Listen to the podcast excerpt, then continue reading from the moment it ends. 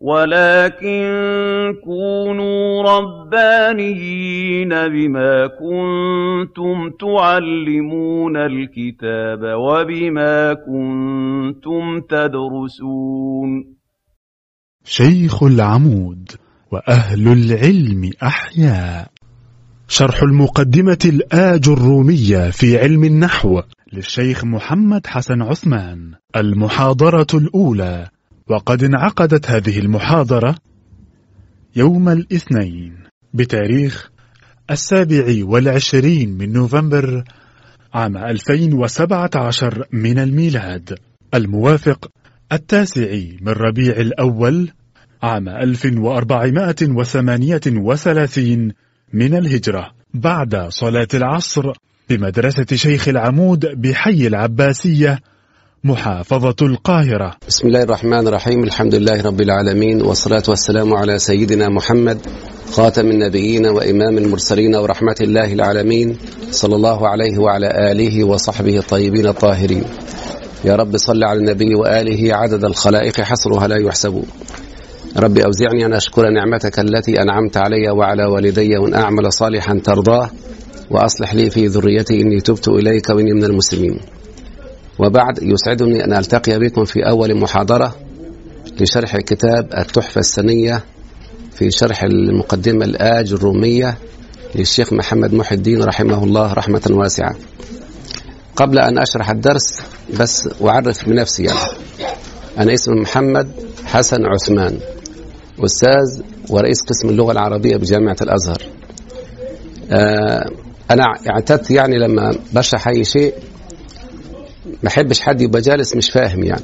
يعني أي كلام تسمعه مني مش فاهم مش مفهوم ما تعدهوش يعني لأن الغاية الفهم. كثير من طلبة العلم يستصعبون النحو بسبب إن هو مش فاهم أو بيكره النحو عشان مش فاهمه يعني.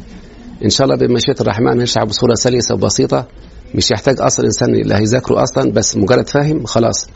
هيبتدي إن شاء الله يعرف يعرب يعرف يستخرج القاعدة. يعرف حتى يتدبر القرآن الكريم نفسه. يعني عندما يقرأ آيات من القرآن يعني هيعرف معناها ومغزاها. لأن ربنا قال أفلا يتدبرون القرآن؟ ولو كان من عند غير الله لوجدوا فيه اختلافا كثيرا. والقرآن لا يتدبر إلا إذا فهم الإنسان اللغة العربية لأن القرآن نزل بلغة العرب. إن أنزلناه قرآنا عربيا. فأنا مش عايز اللي أمامي كل همه يحصل على شهادة مثلا جامعية أو غيرها لا. أنا عايز يفهم العلم. بعد كده الشهادة تيجي أمرها سهل إن شاء الله. فهنبدأ أول درس. قال المصنف رحمه الله ده اسمه أبو عبد الله ابن محمد ابن داود الصنهاجي المعروف بابن آج الروم وهو ده من بلاد المغرب رحمه الله. قال الكلام هو اللفظ المركب المفيد بالوضع. الكلام هو اللفظ المركب المفيد بالوضع. مثال أقول زيد عالم.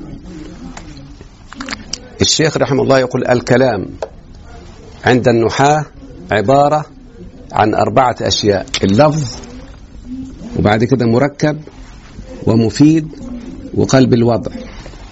يعني اشترط أربعة شروط الشرط الأول اللفظ.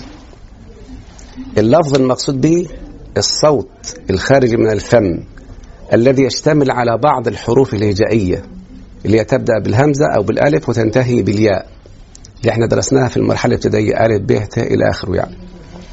فاللفظ يخرج ما ليس بلفظ. الإشارة مثلا تسمى في اللغة كلام لكن لا تسمى في النحو كلام. قال الله في قرآنه فأشارت إليه. قالوا كيف نكلم من كان في المهد صبيا؟ الإشارة نفسها في اللغة كلام. يعني ممكن أقول لأستاذنا الدكتور فكري كده يعني قم كده يعني اجلس كده يعني تعالى لي صح ولا لا؟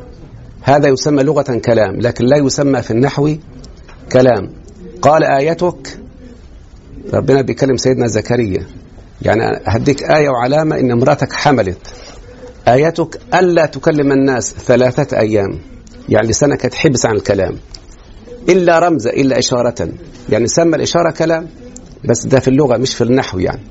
لأن ابن مالك يقول كلامنا اللي هو النحاة يعني لفظ مفيد. يعني غير اللفظ لا يسمى عندنا كلام. لأن كل علم له مصطلحات. قال الشاعر أشارت بطرف العين خيفة أهلها إشارة محزون ولم تتكلمي. فأيقنت أن الطرف قد قال مرحبا وأهلا وسهلا بالحبيب المتيم. طبعا الكلام مش واضح صح؟ قولوا مش واضح وخلاص. انت هتدفع فلوس. قولوا مش واضح وخلاص. الشاعر كان يحب فتاة. فلما ذهب إلى أهلها خافت عليه. فقال أشوف أشارت بطرف العين. خيفة أهلها يعني تقول أنت أنت جاي هنا ليه؟ بس يعني أشارت بطرف العين خيفة أهلها. إشارة محزون ولم تتكلمي. فأيقنت أن الطرف يعني العين يعني قد قال مرحبا وأهلا وسهلا بالحبيب المتيم. يعني بيسموه لغة العيون. فهذا في في اللغة كلام لكن لا يسمى في النحو إيه؟ كلام. إذا اللفظ لازم يكون في لفظ. أقول العلم نور أقول الله ربنا محمد نبينا. ها؟ ده اسمه كلام. فالكلام عبارة عن لفظ يخرج ما ليس بلفظ. الكتابة تسمى في اللغة كلام لكن لا تسمى في النحو كلام. الإشارة تسمى في اللغة كلام لكن لا تسمى في النحو كلام. ثاني شيء المركب. عشان يخرج الكلمة المفردة. يعني كلمة زيد. دي كلمة مفردة. فلا تصح أن تكون كلاما. إحنا عايزين كلام يكون مركب من كلمتين أو أكثر. بس بشرط الإفادة. لأن لو أتيت بأكثر من كلمة ولم تفد لا تسمى كلام. فإن قلت مثلا إن حضر زيد. هذه جملة مركبة من ثلاث كلمات. من إن وحضر وزيد. ثلاث كلمات. أيوة جزاك الله خير شكرا. هات لنا النظمة. إن حضر زيد كم كلمة دول؟ ثلاث. ومع ذلك ما فيش فايدة. طب إن حضر زيد يحصل إيه؟ يبقى هذا لا يسمى رغم أنه رغم أنه كلام آه لفظ ومركب. يعني ليس كلمة واحدة مركب من ثلاث كلمات. ومع ذلك لم يفد فلا يسمى في النحو كلاما. إحنا عايزين كلام مفيد. فائدة يحسن السكوت عليه. أقول مثلا العلم نور الجهل ظلام. الدرس مفهوم هو ده اسمه كلام مفيد. كلمة بالوضع يعني هذا الكلام موضوع في كلام العرب يعني موجود في كلامهم. قد تكلمت العرب بهذا الكلام عشان يخرج ما ليس بلغة العرب مثل اللغة الفرنسية أو الإنجليزية أو ما سوى ذلك يعني. هذه الشروط التي قالها ابن آج الروم رحمه الله في كتابه الآج الرومية. الشيخ محمد محي الدين شرح هذا الكلام في اللي هو في كتابه التحفة السنية في شرح الآج الرومية يبقى قال لفظ. لفظ قال اللفظ يعني أن يكون صوتا مشتملا على بعض الحروف الهجائية التي تبتدئ بالألف وتنتهي بالياء. نفس الكلام اللي قلته. يعني عايز لفظ. عشان يخرج الكتابة ويخرج الخط. ويخرج الإشارة. كل هذا لا يسمى كلاما. كلمة مركب يعني مركب من كلمتين أو أكثر. كلمة مفيد يعني فائدة يحسن السكوت عليه. مبقاش السامع منتظر إن المتكلم يعني يكمل كلامه يعني. وقلنا بالوضع يعني هذا الكلام موجود في كلام العرب. دي أول جزئية قالها الشيخ. في أحد العلماء اسمه عبيد الله الشنقيطي الكلام ده اللي أنتم سمعتوه ممكن يكون حد عايز يحفظ العلم. العلماء يقولون من حفظ المتون حاز الفنون. يعني لما نقول أبيات شعرية نتغنى بها كده هتبقى سهلة.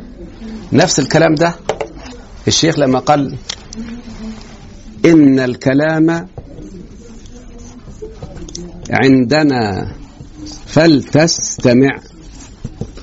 لفظ مركب مفيد قد وضع. إن الكلام عندنا يعني عند النحاة فلتستمع ده أمر من الشيخ لطلب العلم وأمر يقصد به النصيحة. مش أنت انت مين عشان تؤمن لا يعني الأمر يقصد به النصيحة هنا. يعني بينصحك استمع يعني. لفظ أهو. مركب أهو. مفيد أهو. قد وضع. إذا إيه الفرق بين ده وده؟ ده كلام اسمه منثور وده اسمه كلام إيه؟ منظوم. النظم بيبقى أيسر في الحفظ. فاهمين يا أولاد ولا لأ؟ يعني كده شوفها نفس الكلام ده بس الفرق لأن النثر يعني لو معاك مثلا سبحة حبتها تناثرت. صعب عليك إنك أنت تجمعها كلها.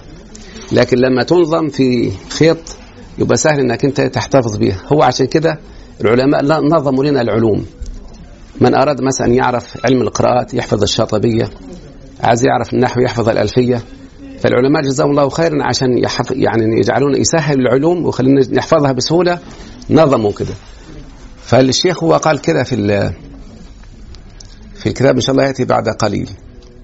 قال عبيد ربه محمد الله في كل الأمور أحمد مصليا على الرسول المنتقى وآله المستكملين الشرف وبعد فالقصد بذا المنظوم تسهيل منثور ابن آج الرومي لمن أراد حفظه وعسر عليه أن يحفظ ما قد نثر والله أستعين في كل عمل إليه قصدي وعليه المتكل.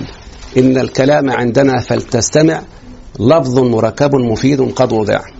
بقول يعني إن شاء الله الكتاب لازم كل واحد يحرص على أن يكون الكتاب معه. أول حاجة يقرأ الدرس قبل أن يأتي إلي. طب ممكن واحد يقول أنا بقرأ ما بفهمش مش مشكلة. أنا بس عايز أهيئك لسماع الدرس. يعني مش عايزك تقرأ عشان مثلا تحفظ لا. مجرد قراءة عادية بس عشان الواحد يهيئ نفسه لسماع الدرس. وبعدين وأنا بشرح يركز ويشغل عقله. يعني يشغل يعني ما يسمعش الحاجة ويحفظها كده وخلاص. لا شغل عقلك. لما تجد العلماء مثلا هنيجي درس مثلا كان وأخواتها. الواحد يسأل ليه خلوا كان أم الاخواتها هي على رأس ريشه يعني؟ لازم يقول كده. ان وأخواتها. أصل الحاجة اللي أنتوا كنتوا بتحفظوها ينسوها دلوقتي. يعني عايزين نفهم النحو كنحو يعني. وسبحان الله ما فيش حاجة جت اعتباطا كده خالص. يعني يقول كان وأخواتها يبقى لها ميزة على أخواتها. إن وأخواتها يبقى لها ميزة على أخواتها. ظن واخواتها يبقى برضه ربنا ميزها على أخواتها. وهكذا. حتى أي درس في النحو. لما حروف العطف أجيب الواو الفاء. ليه ذكرنا الواو؟ برضه لها ميزة. حتى حروف نداء يا وآيا وهيا. ليه جابوا ياء في الأول؟ برضه لها ميزة. وهكذا مفيش حاجة اعتباطا. ولما أقول مثلا كان فعل ناقص المفروض واحد يعني إيه ناقص؟ في إيه اللي نقص منها عشان تقول ناقص؟ مش عايزين العادة زمان نحفظ من غير ما نفهم. أي حاجة لازم نفهمها عشان تبقى النحو سهل علينا. وبعدين النحو سبحان الله من الإنسان ربنا بيمن عليه ويفهمه هتتفتح عليه أمور عجيبة. لما يقرأ القرآن يقول سبحان الله يعني تتفتح لي أمور ويقول سبحان من هذا كلامه. هو ربنا تحدى العرب طب ما هم فصحاء وبلغاء وشعراء وأدباء لكن تحداهم من جنس ما برعوا فيه فعجزوا. فإن كنتم في ريب مما نزلنا على عبدنا فأتوا بسوره مثله. فإن لم تفعلوا ولن تفعلوا. عايز الواحدة برضو لو ربنا كرمه بدأت تقرأ برضو تتأمل في الآيات.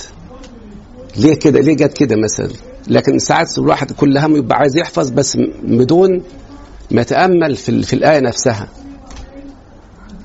لما ربنا بيقول مثلا في سورة التحريم إن تتوبا إلى الله فقد صغت قلوبكم. إن تتوبا ده خطاب لمين؟ لاثنتين من أزواج النبي صلى الله عليه وسلم. طب إزاي يقول فقد صغت قلوبكم؟ قلوب.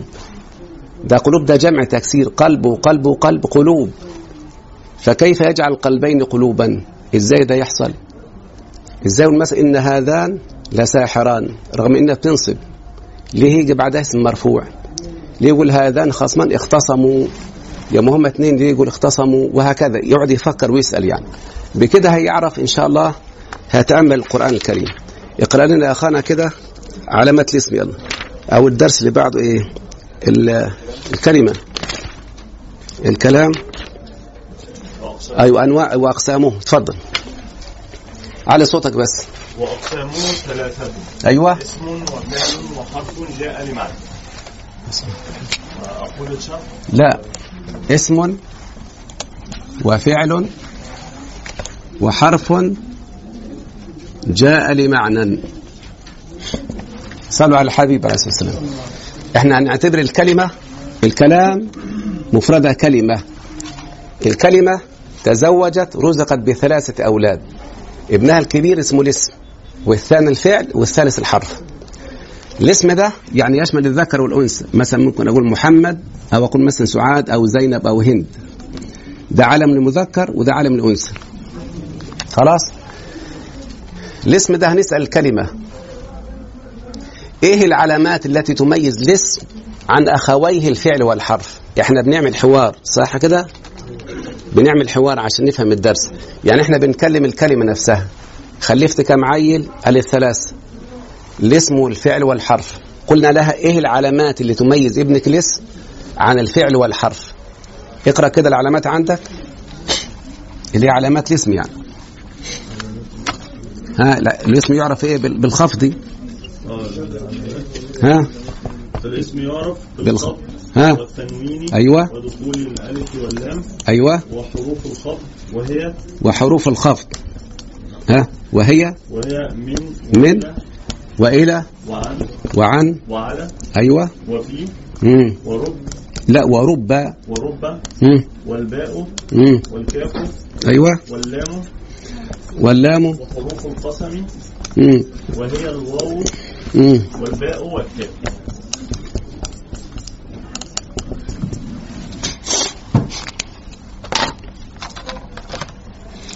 الآن كما قلت تحدثنا مع الكلمة وقلنا لها كم ولدا أنجبت؟ قالت كم ولد أنجبته؟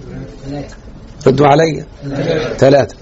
الأول الاسم الثاني الفعل الثالث الحرف.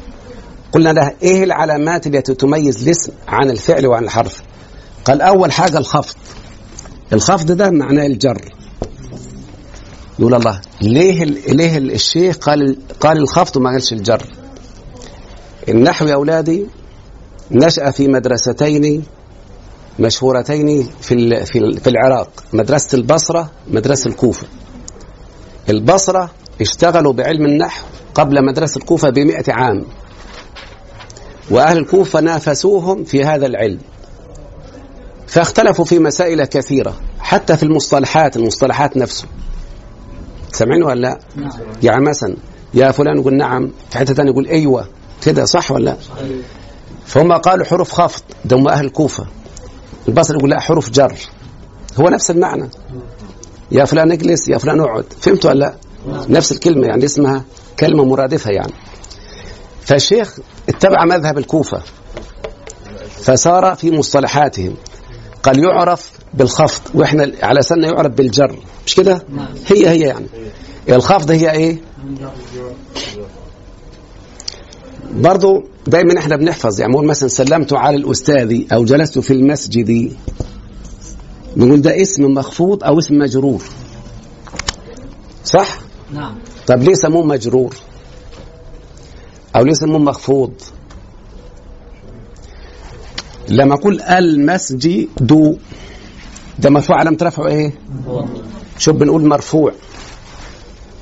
يعني حاجة مرفوعة فوق يعني مرفوع. ليه الضمة علامة رفع ليه؟ ليه الضمة دي علامة رفع لأنها تخرج من الشفتين صح؟ صحيح. شوف مثلا الراء يمول الراجل خرج من الشفتين. والشفتان أعلى الحنك. المخارج بتبدأ من إيه؟ أولا من الجوفة وفي حروف الحلق عارفينها؟ نعم. الهمزة والهاء والعين والحاء والغين والخاء. مجموعة في عبارة إن غاب عني حبيبي همني خبره. فمفهوم الكلام ده؟ نعم. اسمها حروف إيه دي؟ لا يا أقول مثلا أع خرجت من العين. صح ولا؟ لا؟ أق وهكذا. دي اسمها حروف إيه؟ الحلق. في حروف بتخرج من اللسان في حروف من الشفتين. فعشان كده بقول اسم مرفوع علامة رفعه. لأنه الضمة دي تخرج من أعلى الحنك صح؟ لما أقول منصوب النصب بمعنى الاستواء. لما أقول رأيت الرجل تجد لسان يترفع كده ويستوي. عشان كده بقول منصوب يعني يعني استوى يعني. مخفوض تجد اللسان ينزل من فوق لتحت. شوف سلمت على الرجل ينزل لسان ينزل تحت. عشان كده بنسميه مجرور. فهمت ولا لا؟ أو بنسميه مخفوض. فالخفض ده أول علامة من علامات الاسم. ساعة ما تشوف اسم مجرور وأنت مغمضة قولي ده اسم. يعني سلمت على الرجل على الأستاذ جلست على الكرسي أي حاجة مجرورة تبقى اسم على طول. لأن الفعل لا يجر. ما ينفعش أقول مثلا سلمت على كتبي سلمت على جلسي. لا الفعل لا يجر. الذي يجر هو إيه؟ الاسم الخفض ده عندنا في خفض بالحرف. يعني في جر بالحرف وفي بقى جر بالإضافة وفي جر بالتبعية. وطبعا قبل ما أعدي حتى يعني لو لحد مش فاهم يستوقفني عشان لو مشيت ما ينفعش أرجع تاني. في كلمات تجر بالحرف. أقول سلمت على أو أستاذي الفصل الصالحي هنسأل يا أستاذ يقول نعم. مين جرك بالكسر؟ يقول هي دي. ده اسمه حرف جر عندنا. فاهمة؟ فاهمين يا أولادي؟ ركزوا معايا فاهمين؟ لما أكلمكم معلش هودوني واسمعوا كلامي يعني. يعني ردوا علي عشان ما أزعلش. يبقى مين اللي جره ده اسمه هو اللي جره بحرف جر. أستاذ الفصل. هل الفصل مسبوق بحرف جر؟ ده اسمه في النحو مجرور بالإضافة. أصلا كانت أستاذ. لما حذفت التنوين الكلمة أضيفت لما بعدها. أي كلمة منونة؟ قلم احذف أن تقول قلم الأستاذ. ده اسمه مجرور بالإضافة. يعني لما أحذف التنوين الكلمة أوتوماتيك تضاف يعني. باب أقول باب الفصل. أستاذ أقول أستاذ النحوي مفهوم ولا لا؟ يبقى هنا الفصل مجرور بالإيه؟ طيب الصالح صفة لمين؟ لا صفة الأستاذ. هو الفصل ده صالح ولا هو الأستاذ؟ أستاذ ده صفة لمين؟ الصالح صفة لمين؟ وصفة المجرور مجرور. فالصفة تابعة للموصوف. يبقى ده مجرور بال- بالتبعية والثلاثة موجودين في البسملة. بسم الله الرحمن الرحيم. يعني اسم مجرور بالباء. اسم الله ده الإضافة. الرحمن الرحيم صفتان لمين؟ وصفة المجرور؟ يبقى قال الخفض. الخفض يعني إيه؟ والجر يشمل كم حاجة؟ في جر بالحرف وفي جر بالإضافة وفي جر بإيه؟ لما أقول خد قلم الأستاذ مين اللي جر الأستاذ؟ المضاف. برضو مش فاهمينها؟ ما دي إضافة دي؟ أصلا قلم احذف أنت تقول قلم الأستاذ. هل الأستاذ مجرور بحرف؟ يعني في حرف جر يعني؟ لا اللي جره الإضافة. صح؟ زي ما مثلا مسجد الصحابة. الصحابة مجرور بكلمة مسجد. اللي دي اسمها مجرور بالإضافة. فهمتوها؟ طيب. كنت حضرتك الصفة بس. آه يا ما قلت سلام الصالح- ال- ال- الفصل الصالحي هنا بالتبعية. بالتبعية للأستاذ. الاستاذ سلمت على رجل صالح على أستاذ مثلا سلمت نظرت إلى فتاة جميلة. الصفة تتبع الموصوف. فهمت يا حبيبي؟ يبقى عندنا ال- الخفض ده. عرفنا الخفض كم نوع؟ الخفض أنواع الخفض؟ فهمتوها دي؟ طيب. نيجي الأول تاني حاجة إيه؟ الت... في حد عايز يسأل سؤال؟ التنوين عبارة عن نون ساكنة تلحق آخر الاسم لفظا وتفارقه خطا. شوف محمد رسول الله. صلوا عليه. شوف محمد دون. دون هذا اسمه عندنا تنوين. يتكتب يعني ما يكتبش نون إن بس يكتب ضمتين بس في حالة الرفع. ده اسمه تنوين يعني ننطق نون لكن لا تكتب. ده اسمه تنوين. في أي كلمة منونة تعرف النسمة على طول. فاهمين يا أولاد ولا لا؟ لما أقول قلم أستاذ فصل فتاة يبقى ده اسم. لأن الفعل يعني كتب أو جلس ده فعل. ما ينفعش أقول جلس شرب. واضح يا أولادي؟ فالفعل لا ينون. من هو الذي نون؟ سبحان الذي أسرى بعبده ليلا. أهو ده اسم. من المسجد ده اسم. عشان مجرور صح ولا لا؟ يبقى أول علامة الجر اللي هو الخفض يعني. تاني علامة التنوين. التنوين ده كمل عندك؟ الشيخ بيقول إيه في التنوين؟ جاب أمثلة هو ليه. هو قال في صفحة 11 قال آه لما قال محمد وكتاب. قول كده الامثله يعني. أمثلة التنوين يعني. وكتاب و... أيوه. وإيه؟ لا يبقى؟ قال محمد وكتاب ها؟ وإيه؟ أيوه. صهن مصهن مسلمات مسلمات فاطمات. ماشي. فاطمات ها؟ حينئذ بس ادي حينئذ وساعتئذ. العجيبة إن الشيخ اكتفى بالمثال عن المقال. يعني ما قالكش إن إيه أنواع التنوين؟ قال لك لا أنا هذكر المثال وزي ما والحد يفهم يعني. وباللفظ أستغني عن القيد إن جلى ده كلام الشاطبي رحمه الله. يعني أنا أقول اللفظ هو يغني عن إيه؟ طالما جالي واضح يبقى يغني عن اللي أنا عايز أقوله يعني. فأنواع التنوين طبعا سامحوني إن أنا دلوقتي في كتاب مقرر لازم أشرح اللي فيه صح؟ فما تزعلوش؟ أنا عادة لما ألاقي واحد مش عارف ما ب... ما, ما بتوسعش.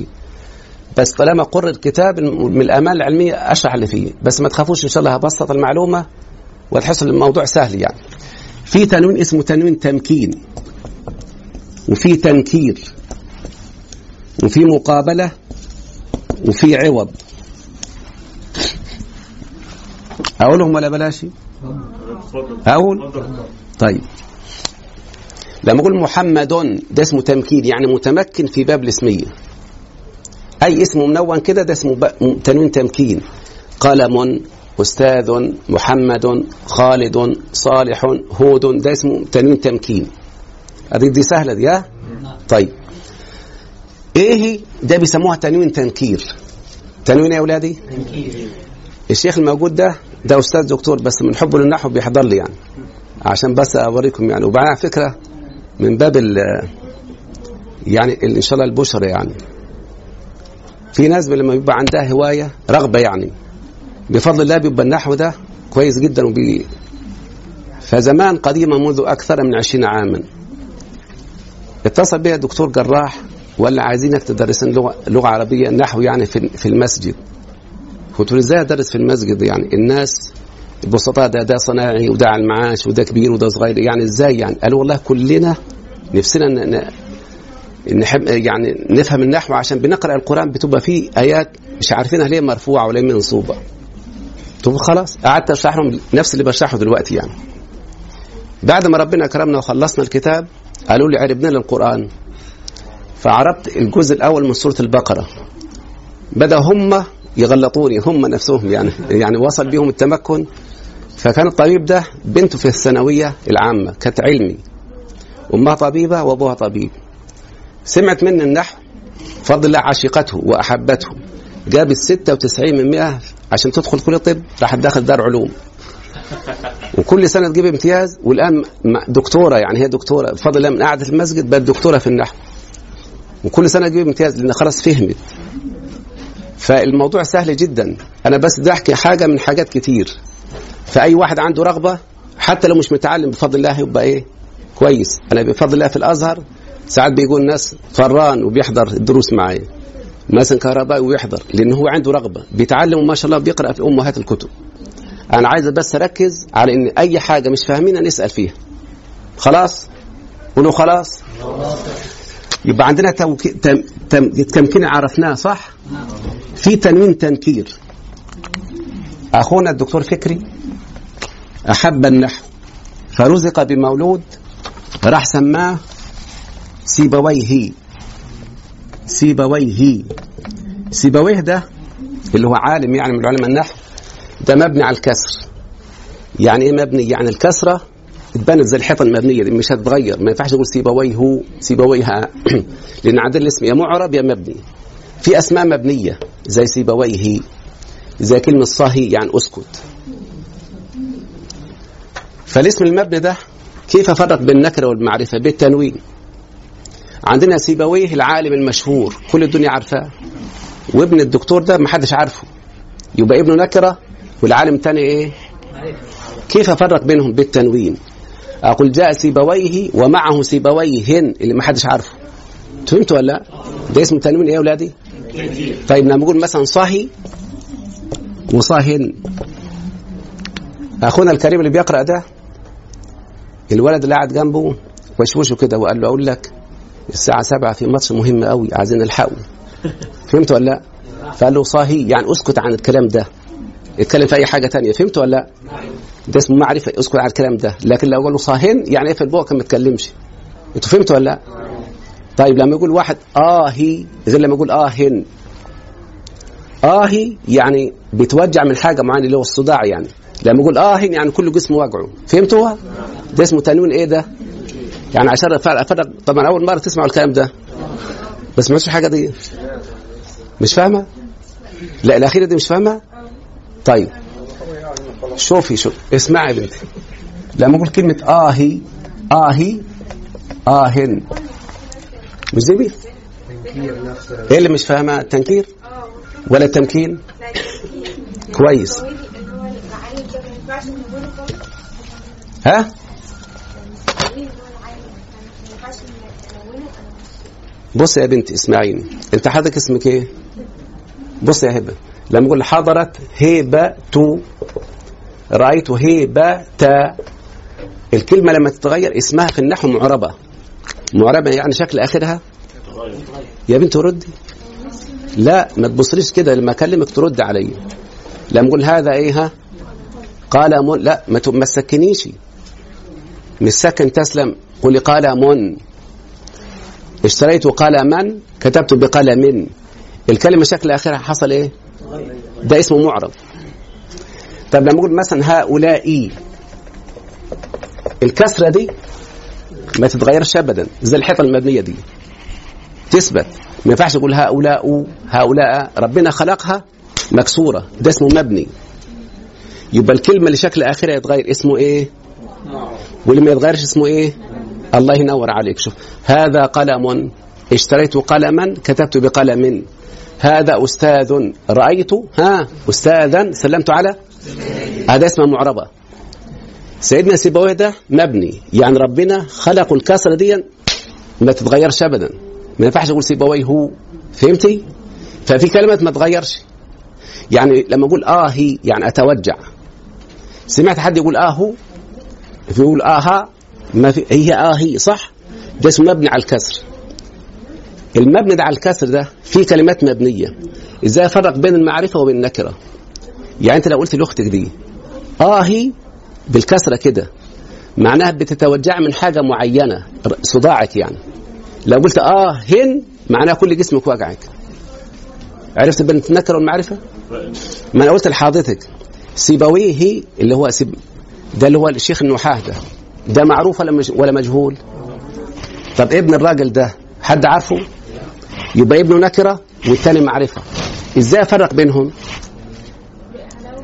يا بنتي ردي أي هو لما نون يبقى ده نكرة بس. يا منون يبقى ده نكرة. وأنا قلت لحضرتك أبو نضارة ده قاعد مع الواد ده. وشوش وقال له خلي بالك عايزين نمشي عشان الساعة 7 قربت في ماتش مهم. قال له صاهي. صاهي ده يعني أسكت. مبني على إيه؟ مبني على إيه ما ينفعش يقول صاهون فاهمه ما يتغيرش. يعني الكسره ده اسم مبني فقال صاهي يعني أسكت عن الكلام ده اللي هو ده اسم المعرفة ده. لكن لو أقول له صاهن يعني ما اتكلمش ابدا. يا رب تكوني فهمتي.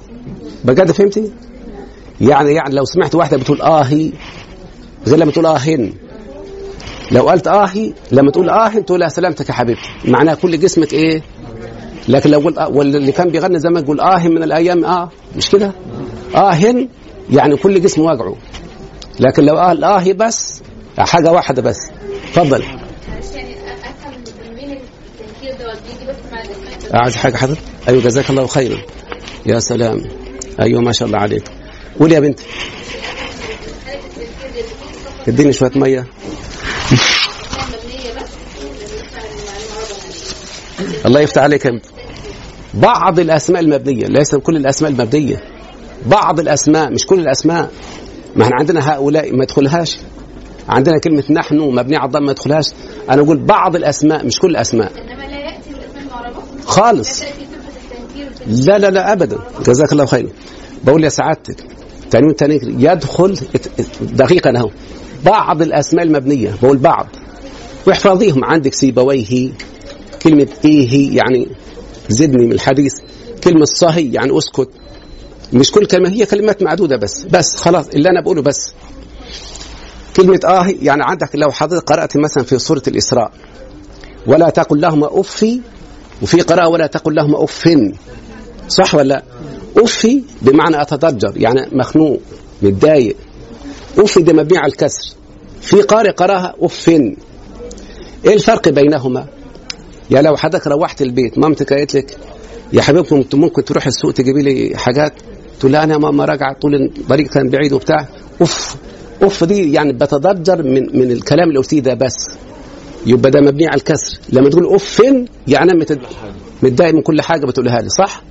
عرفت الفرق بينهما؟ يبقى لي سعادتك بعض الكلمات مش كل الكلمات بعض الكلمات المبنية وهي محفوظة زي صهي زي افي زي مثلا سيبويه تقول سيبويه بس أنا بقول يدخل بعض الأسماء المبنية عشان أفرق بين إيه وإيه. بين إيه وإيه؟ بالنكره والمعرفة. خلاص؟ يعني يا أختي السائلة لو قلت لصديقتك اهي معناها بتتوجع من إيه؟ من حاجة معينة مثلا صداع يعني. لو قلت اهن يعني كل جسمك وجعك. خلاص كده اتفهمت طيب سؤال. اتفضل إحنا قلنا دلوقتي لو لو سيبويه العلم خلاص ده ده ده, ده اسم أو ده ده علم. لكن ال- حفيد شيخنا أو ابنه لو هو وسط أهله فهو معروف. لو قلنا سيبويه راح وسيبويه جه ما تكلمش ما لازم ابوه يعرفوه. أمال جابوه منين؟ أيوه أنا قصدي في لا أنا بقول أقصد يعني شهرة. كل الخلق عارفاه. يعني لما أقول سيبويه وسيبويه يعني لما أقول سيبويه جعل سيبويه كل الدنيا. ده ده صار إمام شيخ نحاة بلا منازع. فكل الدنيا عارفاه سيبك من أهله ما ده لازم يعرفوه. لكن يطلع في الشارع ما حدش عارفه ده مين. ما تاخدش أنت على لا أنا اقصد لا لا لا لا. تيجي جملة بقى لو حد هيذكر. لا أصل ده ابنه مخلفه هيعرفه. لكن بتكلم على الناس اللي بره يعني نقول مثلا جاء سيبويه. أنت سامع جاء سيبويه. مين اللي يجي في ذهنك؟ يجي في ذهن الراجل ده؟ أنت أنت ولا شفته أصلا. لكن ما تبصش للمقربين ليه؟ هم عارفينه إحنا عايزين الدنيا كلها عارفاه وصلت حتى في الحالة دي فهيبقى بتنوين. أي أيوة والله العظيم. هيبقوا تاني إمتى؟ لما أجيب الاثنين مع بعضيهم. أقول جاء سيبويه ومعه سيبويهن. لازم أجيب الاثنين. مش أجيب واحد بس. لو جبت واحد بس لازم أقول سيبويه بل كذا اللي هو العالم المشهور بس. يعني ده ما أقولوش سيبويه بس. لازم أجيبه إيه؟ ها؟ واحد نكرة واحد معرفة. صح كده؟ طيب لو هو هيخاطبه منه ليه يقول جاء سيبويه بس مبني على الكسر. لكن لو حبيت أفرق بين واحد معرفة وواحد نكر لازم أجيبهم مع بعضهم لو ما جبتش هو يقول يا واد يا سيبويه يقول نعم يا بابا بس مفيش مشكلة. لكن أنت لو جبت الاثنين وعايزين تفرق بين النكر والمعرفه لازم تجيب التنوين. هو ده الهدف عشان أفرق بين- بينهما يعني. كمل يا ولدي ها. مسلمات. مسلمات ده اسمه تنوين مقابلة. اسمه تنوين إيه؟ قد أفلح ها المؤمنون.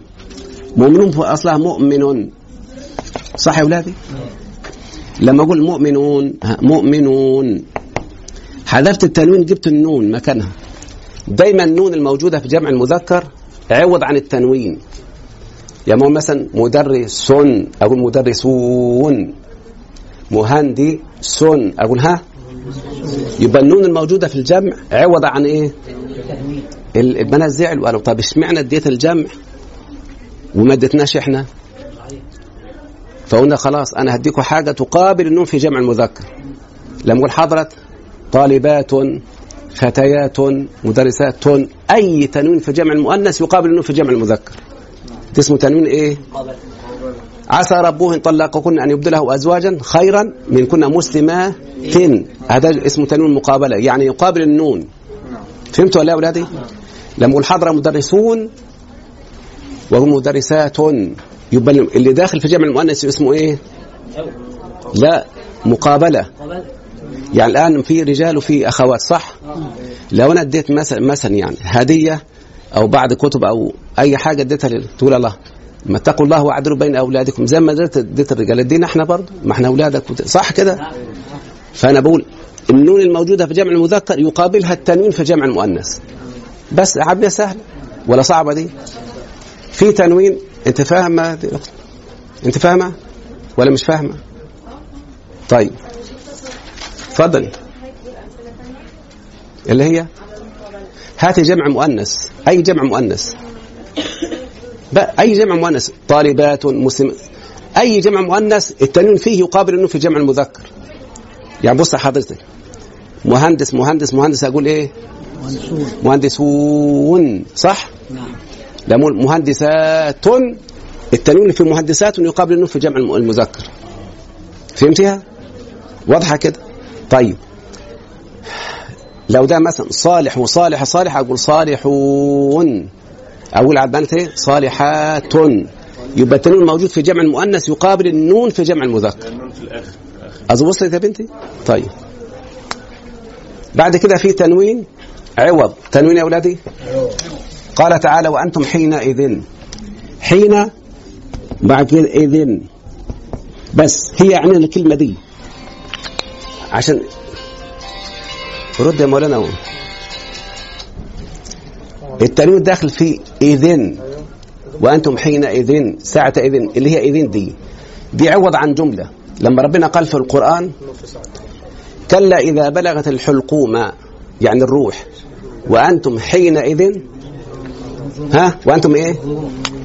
وأنتم حينئذ يعني حين حين إذ بلغت الروح الحلقوم. الجملة دي كلها حذفت وجيت مكانها التنوين إذن ده ده بيسموه عند عوض عن جملة. عوض عن إيه؟ ما هو ربنا بيقول إيه؟ كلا إذا بلغت إيه؟ ها؟ ما ترد علي. يعني بلغت الروح الحلقوم. وأنتم حينئذ يعني يعني هو ربنا سبحانه بيصف الميت عندما يحتضر. أهله يجلسون حوله. لا يستطيعون أن ينفعوه بشيء. فبيقولوا وأنتم حينئذ يعني حينئذ بلغت الروح الحلقوم تنظرون؟ بتنظروا الميت ومش عارفين تعملوا حاجة. صح ولا؟ لا؟ وأنتم حينئذ يعني حين ده ساعة ما نقول إذن ده يبقى عوض عن جملة بس. هذه أنواع الإيه؟ وده يمكن أصعب حاجة هتمر عليكم في في النحو لكن كل اللي جاي أسهل بكتير. بس أنا اضطررت لأن ممكن حد يقرأها يقول طب ما انت مش فاهم يعني إيه حكايتها؟ حينئذ. ها لم يبين الأنواع. لا هو ذكر الأمثلة. ما هو اللي قالوا في في الشاطبية وباللفظ أستغني عن القيد إن جلى يعني هو ذكر اللفظ وترك التعريف. قال لك ما أنت إيه أنا جبت لك المثال والمثال يغني عن المقال. هو عايز يقول كده يعني. والعلم لازم فيه من التلقي.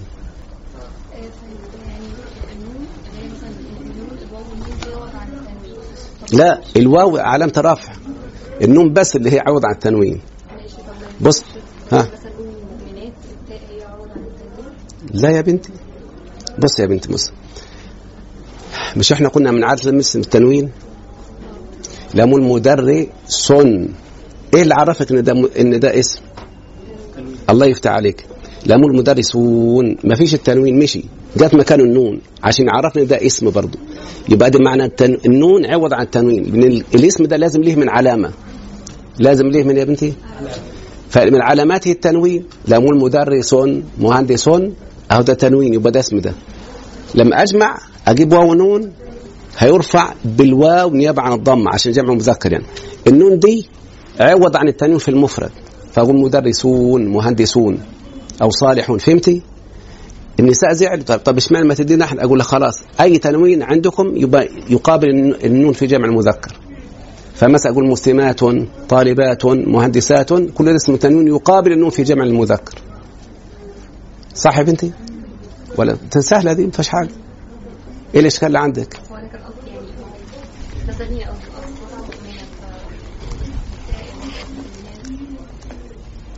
اتكلم ما تخافيش يا بنت اتكلم عشان تفهم إيه الموضوع عندك.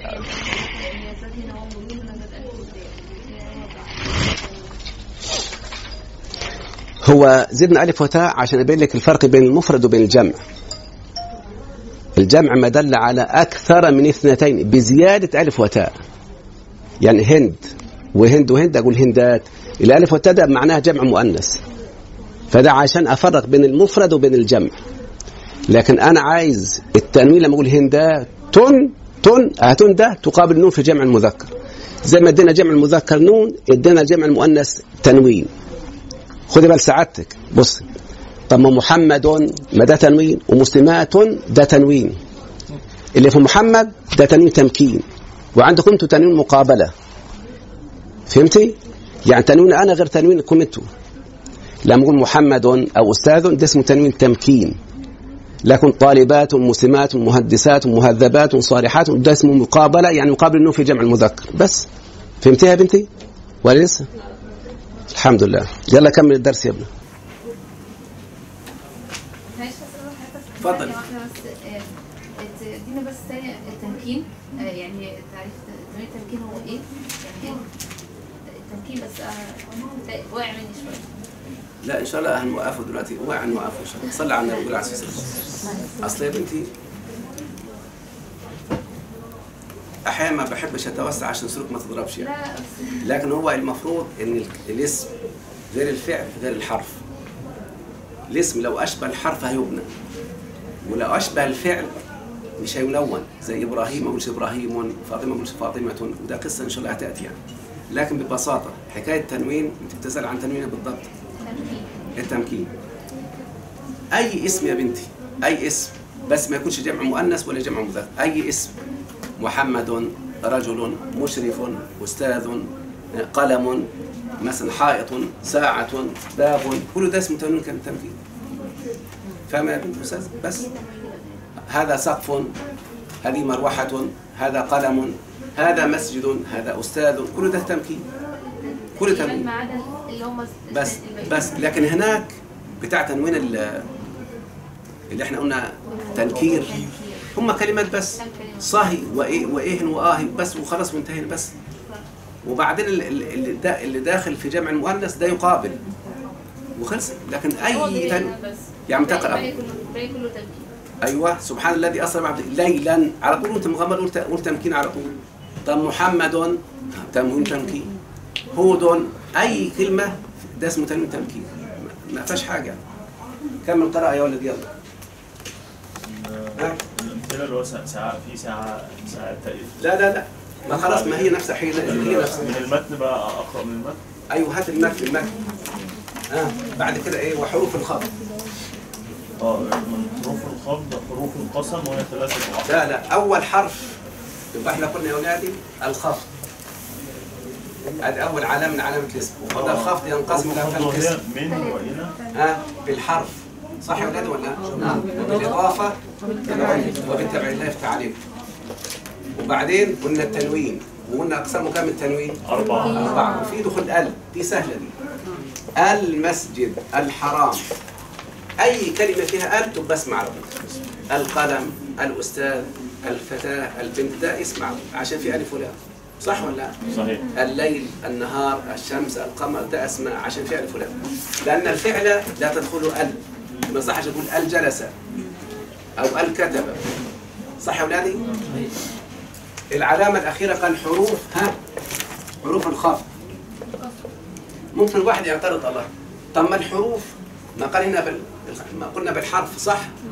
هنا ذكرها ذكر الحرف لكنه فصل فصل أنواع الحروف. فقال أول حرف من؟ والحرف الثاني إيه يا ولدي؟ إلى. من وإلى. ها؟ وعن. وعن. وعلى. وعلى. وفي. وفي. ورب. ورب. والباء. والباء. والكاف. والكاف. واللام. واللام. حروف القسم. حروف القسم. خلاص. أولا من دي يا أولادي؟ تفيد الابتداء. والى تفيد الانتهاء. اسمعوا كده. سافرت من مصر إلى الإسكندرية. إذا بداية السفر منين طب والانتهاء؟ سبحان الذي أسرى بعبده ليلا من المسجد. يبقى بداية الإسراء المسجد الحرام ونهايته المسجد الأقصى. واضح الكلام؟ إحنا ده من حرف جر بس إحنا بنتكلم عن معناها. ما كل الحروف دي حروف جر. تدخل على اسم تجره. بس هو الشيخ بيتكلم عن حرف لأنه هنا قال هنا حرف جاء لمعنى. يعني هو بيتكلم عن حروف المعاني. سمعت ولاد ولاد حروف المعاني. يعني إن تفيد التوكيد. طب كأن تفيد التشبيه. ليت تفيد التمني. يعني كل حرف ليه معنى. فمن معناها الابتداء. أقول مثلا سرت من الفصل من الفصل إلى آخره. يبقى من تدل على ابتداء السير وإلى تدل, إلى تدل على الانتهاء صح ولا لا؟ من المسجد إلى المسجد. أما عن على عن تفيد المجاوزة. رميت السهم عن القوس.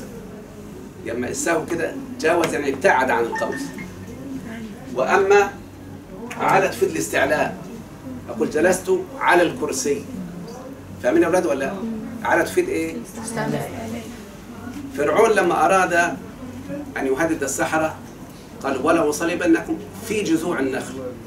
هو الإنسان بيص- بيصلب على الجزء ولا في الجزء؟ على الجزء صح؟ طب ليه قال في الجزء في جذوع؟ هذا الغرض بلاغي. علشان يبين ليهم إنه من شدة ربطه في النخلة كأنه دخل فيها. فهمتوا ولا لا؟ يعني بيقول لهم مش حدش هيقدر يفككم أصلا من هذا الوثاق يعني. فهنا في انابه عن كلمة على لأن حروف الجر ين- ينوب بعضها عن بعض. المهم إن على تفيد الاستعلاء. قال تعالى وعليها وعلى الفلك تحملون. أما في تفيد الظرفية. شوف وضعت القلم في جيبي. الجيب ده اسمه ظرف وده مظروف. يعني حاجة مقفولة بحط فيها حاجة. إحنا دلوقتي قاعدين في حجرة صح؟ الحجرة يعني في أركان اربعه بتحوينا. فاقول جلسنا في الحجرة صح ولا لا؟ لكن ما ينفعش تقول جلسنا في الشارع. الشارع وخلاص صح ولا لا؟ جلسنا في الحجرة يعني حاجة بتحوينا يعني. فده في تفيد الظرفية. عرفنا الظرفية؟ زي ما انت بتكتب رسالة كده وتضعها في ظرف. فالظرف ده اسمه ظرف والموجود ده اسمه مظروف. صح ولا لا؟ طيب. ظرف مكان وظرف. لا لا لا لا لا لا. ظرف المكان حاجة وظرف الزمان حاجة. الم... الزمان يعني وقت. لما راجعت البيت عشاء صباح ده اسمه ظرف زمان ظرف. لكن ده حرف جر. يعني- يا ابني ده حرف جر لكن أما لا لكن أقول أمام وقدام وفوق وتحت ده اسم بس ظرف. خلاص؟ قول يا ابني ها. رب رب تفيد التقليل. رب تفيد إيه؟ أقول رب اخ لك لم تلده أمه.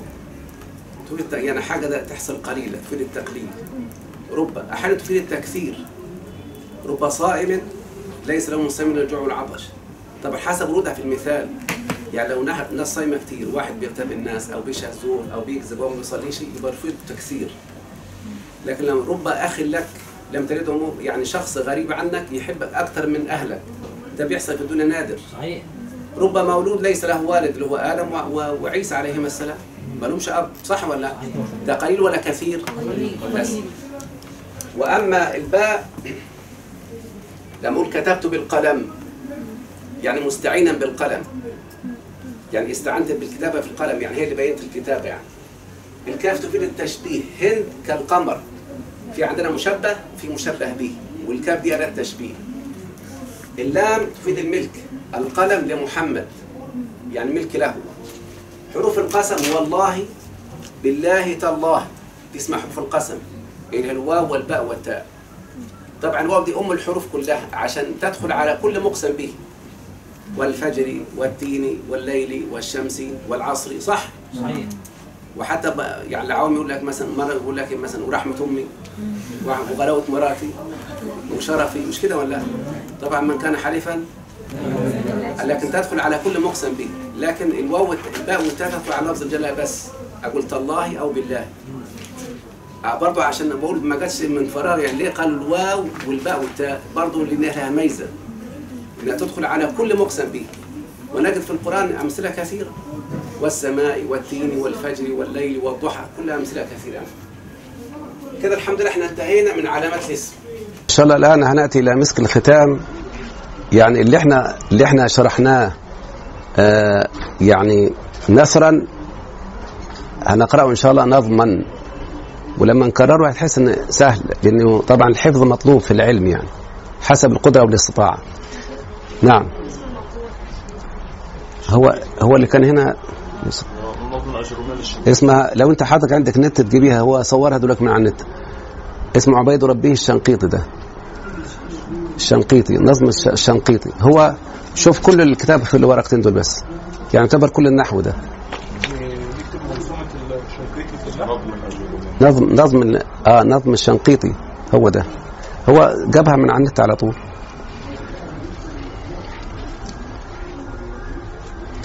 ال- الشيخ يقول قال عبيد ربه. عبيد تصغير عبد.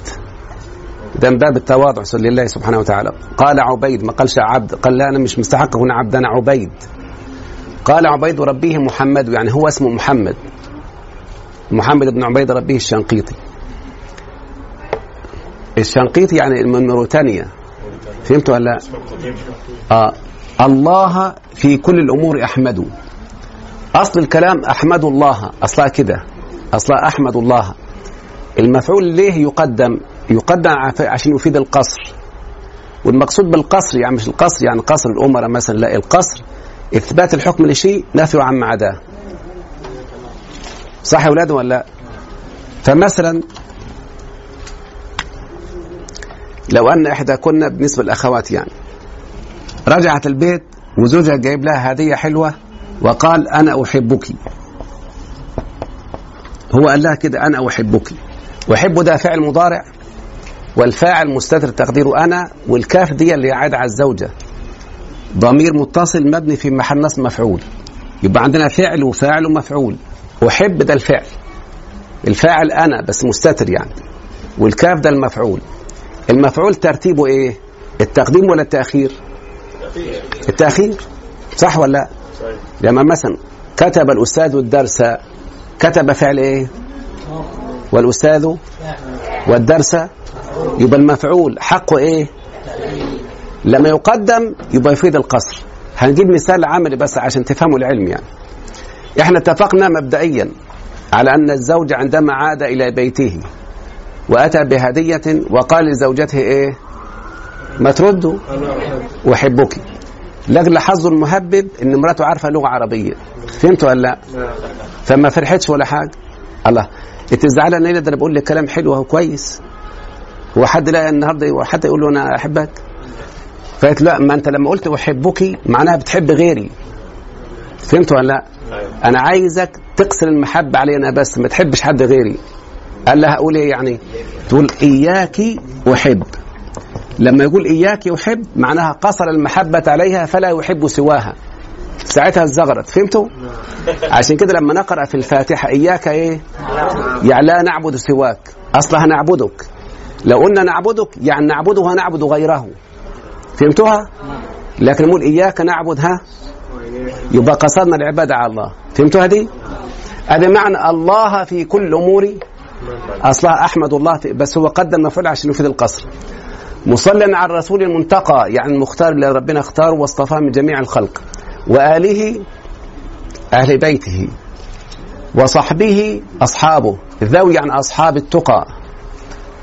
وبعد فالقصد بذا المنظوم أنا ليه عملت النظم ده؟ تسهيل منثور ابن آج الروم. الكلام اللي كتبه الراجل ده ونثره في الكتاب أنا نظمته. لمن أراد حفظه وعسر صعب عليه أن يحفظ. عسر عليه أن يحفظ ما قد نثر قال والله أستعين في كل عمل. أصلها أستعين بالله. صح؟ لما قال الله يبقى قصد إيه؟ القصر. يعني لا يستعين إيه؟ والله أستعين في كل عمل. إليه قصدي. المفروض قصد إليه. الجار مجوب برضه حقه التأخير. زي إليه مرجعكم. وعلى الله فليتوكل المؤمنون عشان يفيد القصر. فهمتوا ولا لا؟ يعني أظن عارف يعني أثبت الحكم لشيء انفي عما عداه. يعني مثلا نقول الهدية لك ممكن تبقى لغيره لما أقول لك الهدية يعني ليس لغيرك فهمتوها؟ أظن وصل كده عشان نتع... نتعلم اللغة يعني. طيب إليه قصدي وعليه المتكل آه برضو إليه قصدي وعليه المتكل هنا برضو قصر إن الكلام عندنا في النحو فلتستمع لفظ مركب مفيد قد وضع ده اللي إحنا قلناه. أقسامه اللي هي اسم فعل وحرف التي عليها يبنى يعني يؤسس اسم وفعل ثم حرف معنى. إحنا شرحنا الاسم وعلاماته ولسه لما شرحناش الفعل والحرف. فالاسم بالخفض وبالتنوين أو دخول ال يعرف يعني يعرف الاسم بالخفض. اللي هو الخفض يعني الجر بالحرف أو بالإضافة أو بالتبعية. وبالتنوين زي محمد رسول الله صلى الله عليه وسلم. ودخول ال زي المسجد. يعرف فقف ما قفوا يعني سر على طريقتهم. يعني القافية معناها التتابع يعني. وبحروف الخفض وهي من إلى وعنوى وعنوى في ورب. ها؟ ما فيش على هنا آه، والباء وعلى. والكاف واللام وواو والتاء. ومذ ومنذ ده اللي إحنا ما قلناهاش. منذ وم- مذ ومنذ تجران ظرف الزمان. بس يعني مثلا لما أقول إيه الأخ ده بيسألني بيقول لي أنت ما شفتش فلان؟ أقول لم أره مذ يوم الجمعة. يعني من يوم الجمعة ما شفتوش. أو منذ يوم الجمعة. هي مذ هي منذ بس مذ جت على حرفين لكن مذ على ثلاثة لكن هي نفس المعنى. فإذا مذ أو منذ فقط تجران الظرف الزمان. يا فلان شفت فلان أقول لم أره منذ يوم الجمعة. يعني من يوم الجمعة ما شفتوش. فده يدخل يعني يجر بس ما يجرش. ما ينفعش أقول إيه مثلا؟ يعني مثلا مذ محمد. مذ أحمد لا. لا يجر إلا ظرف الزمن فقط. خلاص يا أولادي؟ وأما لعل ده حرف جر في لغة عقيل. دي قبيلة من قبائل العرب. فيقول لعل الله يقول لعل الله ما يقولش لعل الله زي ما العرب بتقول كده يعني. لا تدري لعل الله يحدث بعد ذلك أمرا. العرب جعلوها حرف ناصب من أخوات ان هم جعلوها حرف جر اللي هو لغة عقيل دي. وحتى تجر سلام هي حتى مطلع الفجر. عشان تجر لازم تجر آخر حاجة. أكلت السمكه حتى رأسها. سيرت الليلة حتى آخرها. ما اقولش حتى نصفها. لازم تجر آخر حاجة في اللي أنت بتتكلم عليه. الان أنا هقول الأبيات وأنتم من فضلكم رددوها يلا. قال عبيد ربه محمد.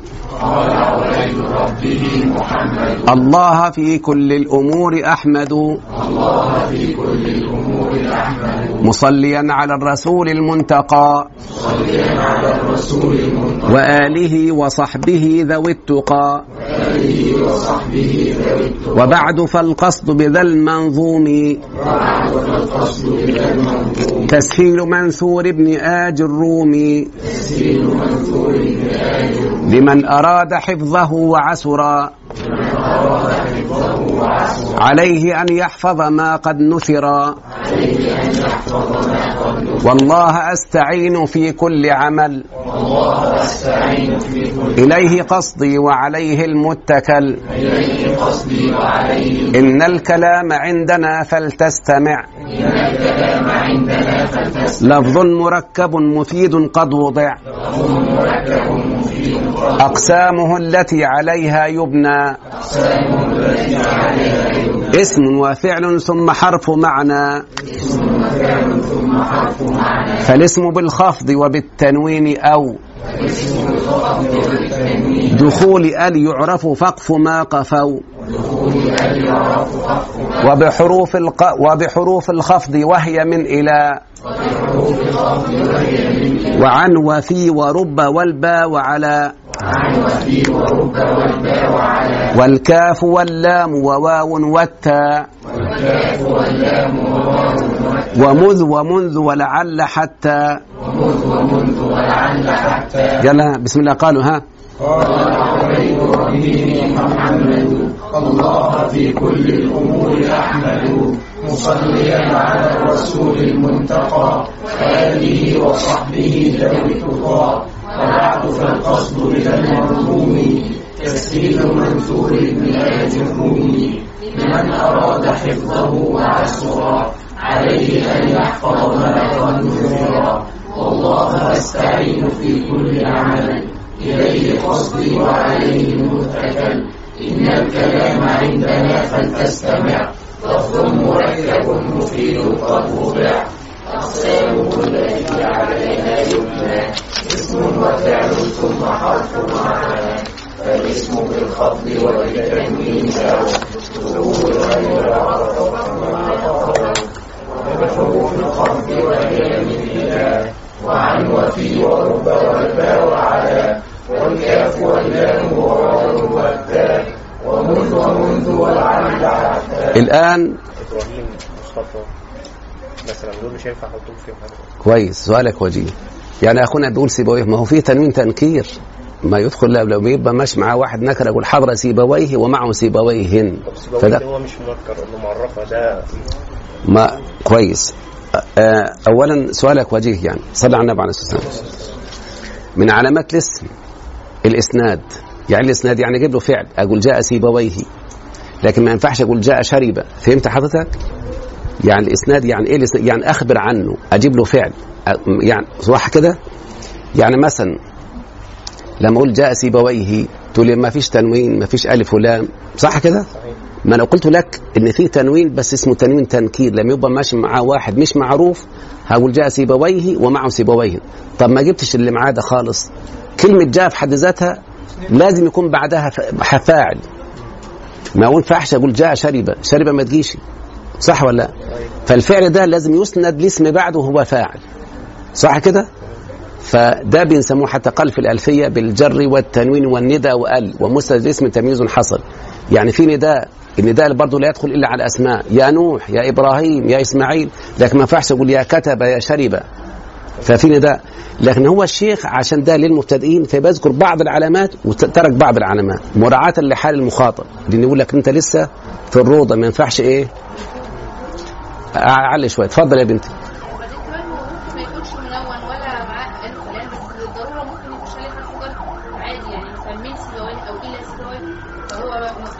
كويس. لكن هو ممكن هيحط لك العقدة في المشار وما يجيبلكش ماجور أصلا. لا أنا بقول لحضرتك حتى لو ما جاش فيه حرف جر. كون يدخل في الجملة هو ده اسم يعني شوف حضرتك ده اسمه عندنا إسناد. يعني إيه إسناد؟ يعني يجي فعل وبعديه لازم يكون فاعل. صح كده؟ لكن ما ينفعش أقول جاء شرب جاء جلس ما ينفعش. الفعل لا يسند إليه. ده الفعل هو يسند إلى الفاعل. الإسناد ده هو إخبار ودي علامة معنوية. أقوى علامات الاسم هي الإسناد دي. ليه؟ لأنه في يعني كلمات ما تقبلش أي علامة الا الإسناد. بص ساعتك لما شربت تو تو. التاء دي اسم ولا فعل ولا حرف؟ اسم عشان ضمير. ما تقبلش التاء ما تقبلش التنوين ما ينفعش تن ما ينفعش أقول يا تن ما تنفعش ال تن ما تقبلش إلا الإسناد. فقلت استغفروا ربكم. أقول شربت بدل من شرب الأستاذ أقول شربت يعني أسندت لها الشرب يعني. هو قال الشيخ كده ده أفضل علامة الاسم اللي عنده سؤال يتفضل. أيوه حاضر اتفضل جمع المذكر النون النون في المفرد. في- في المفرد. آه، في الافعال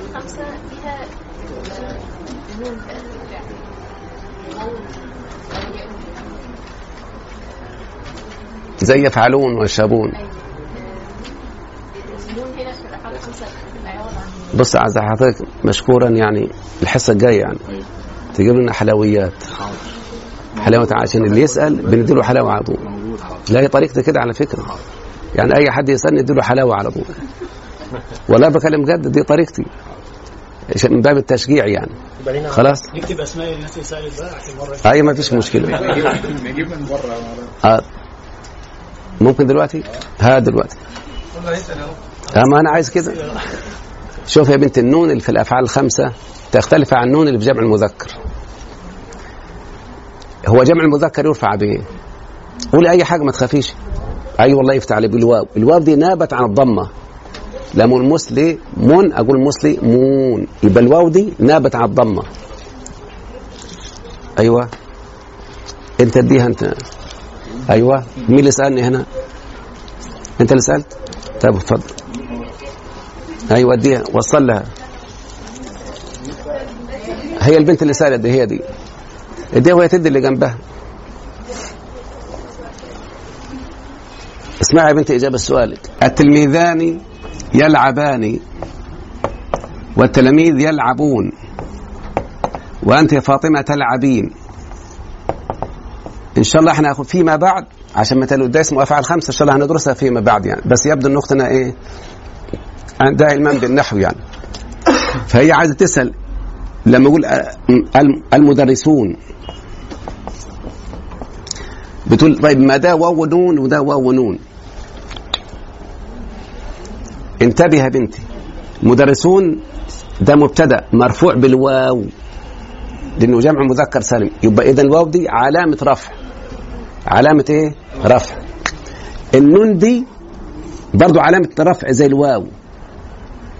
لأن أصل الفعل يلعب أصل الفعل يلعب. مشيت الضمة جت مكانها النون. فالأفعال الخمسة برفعها بثبوت النون.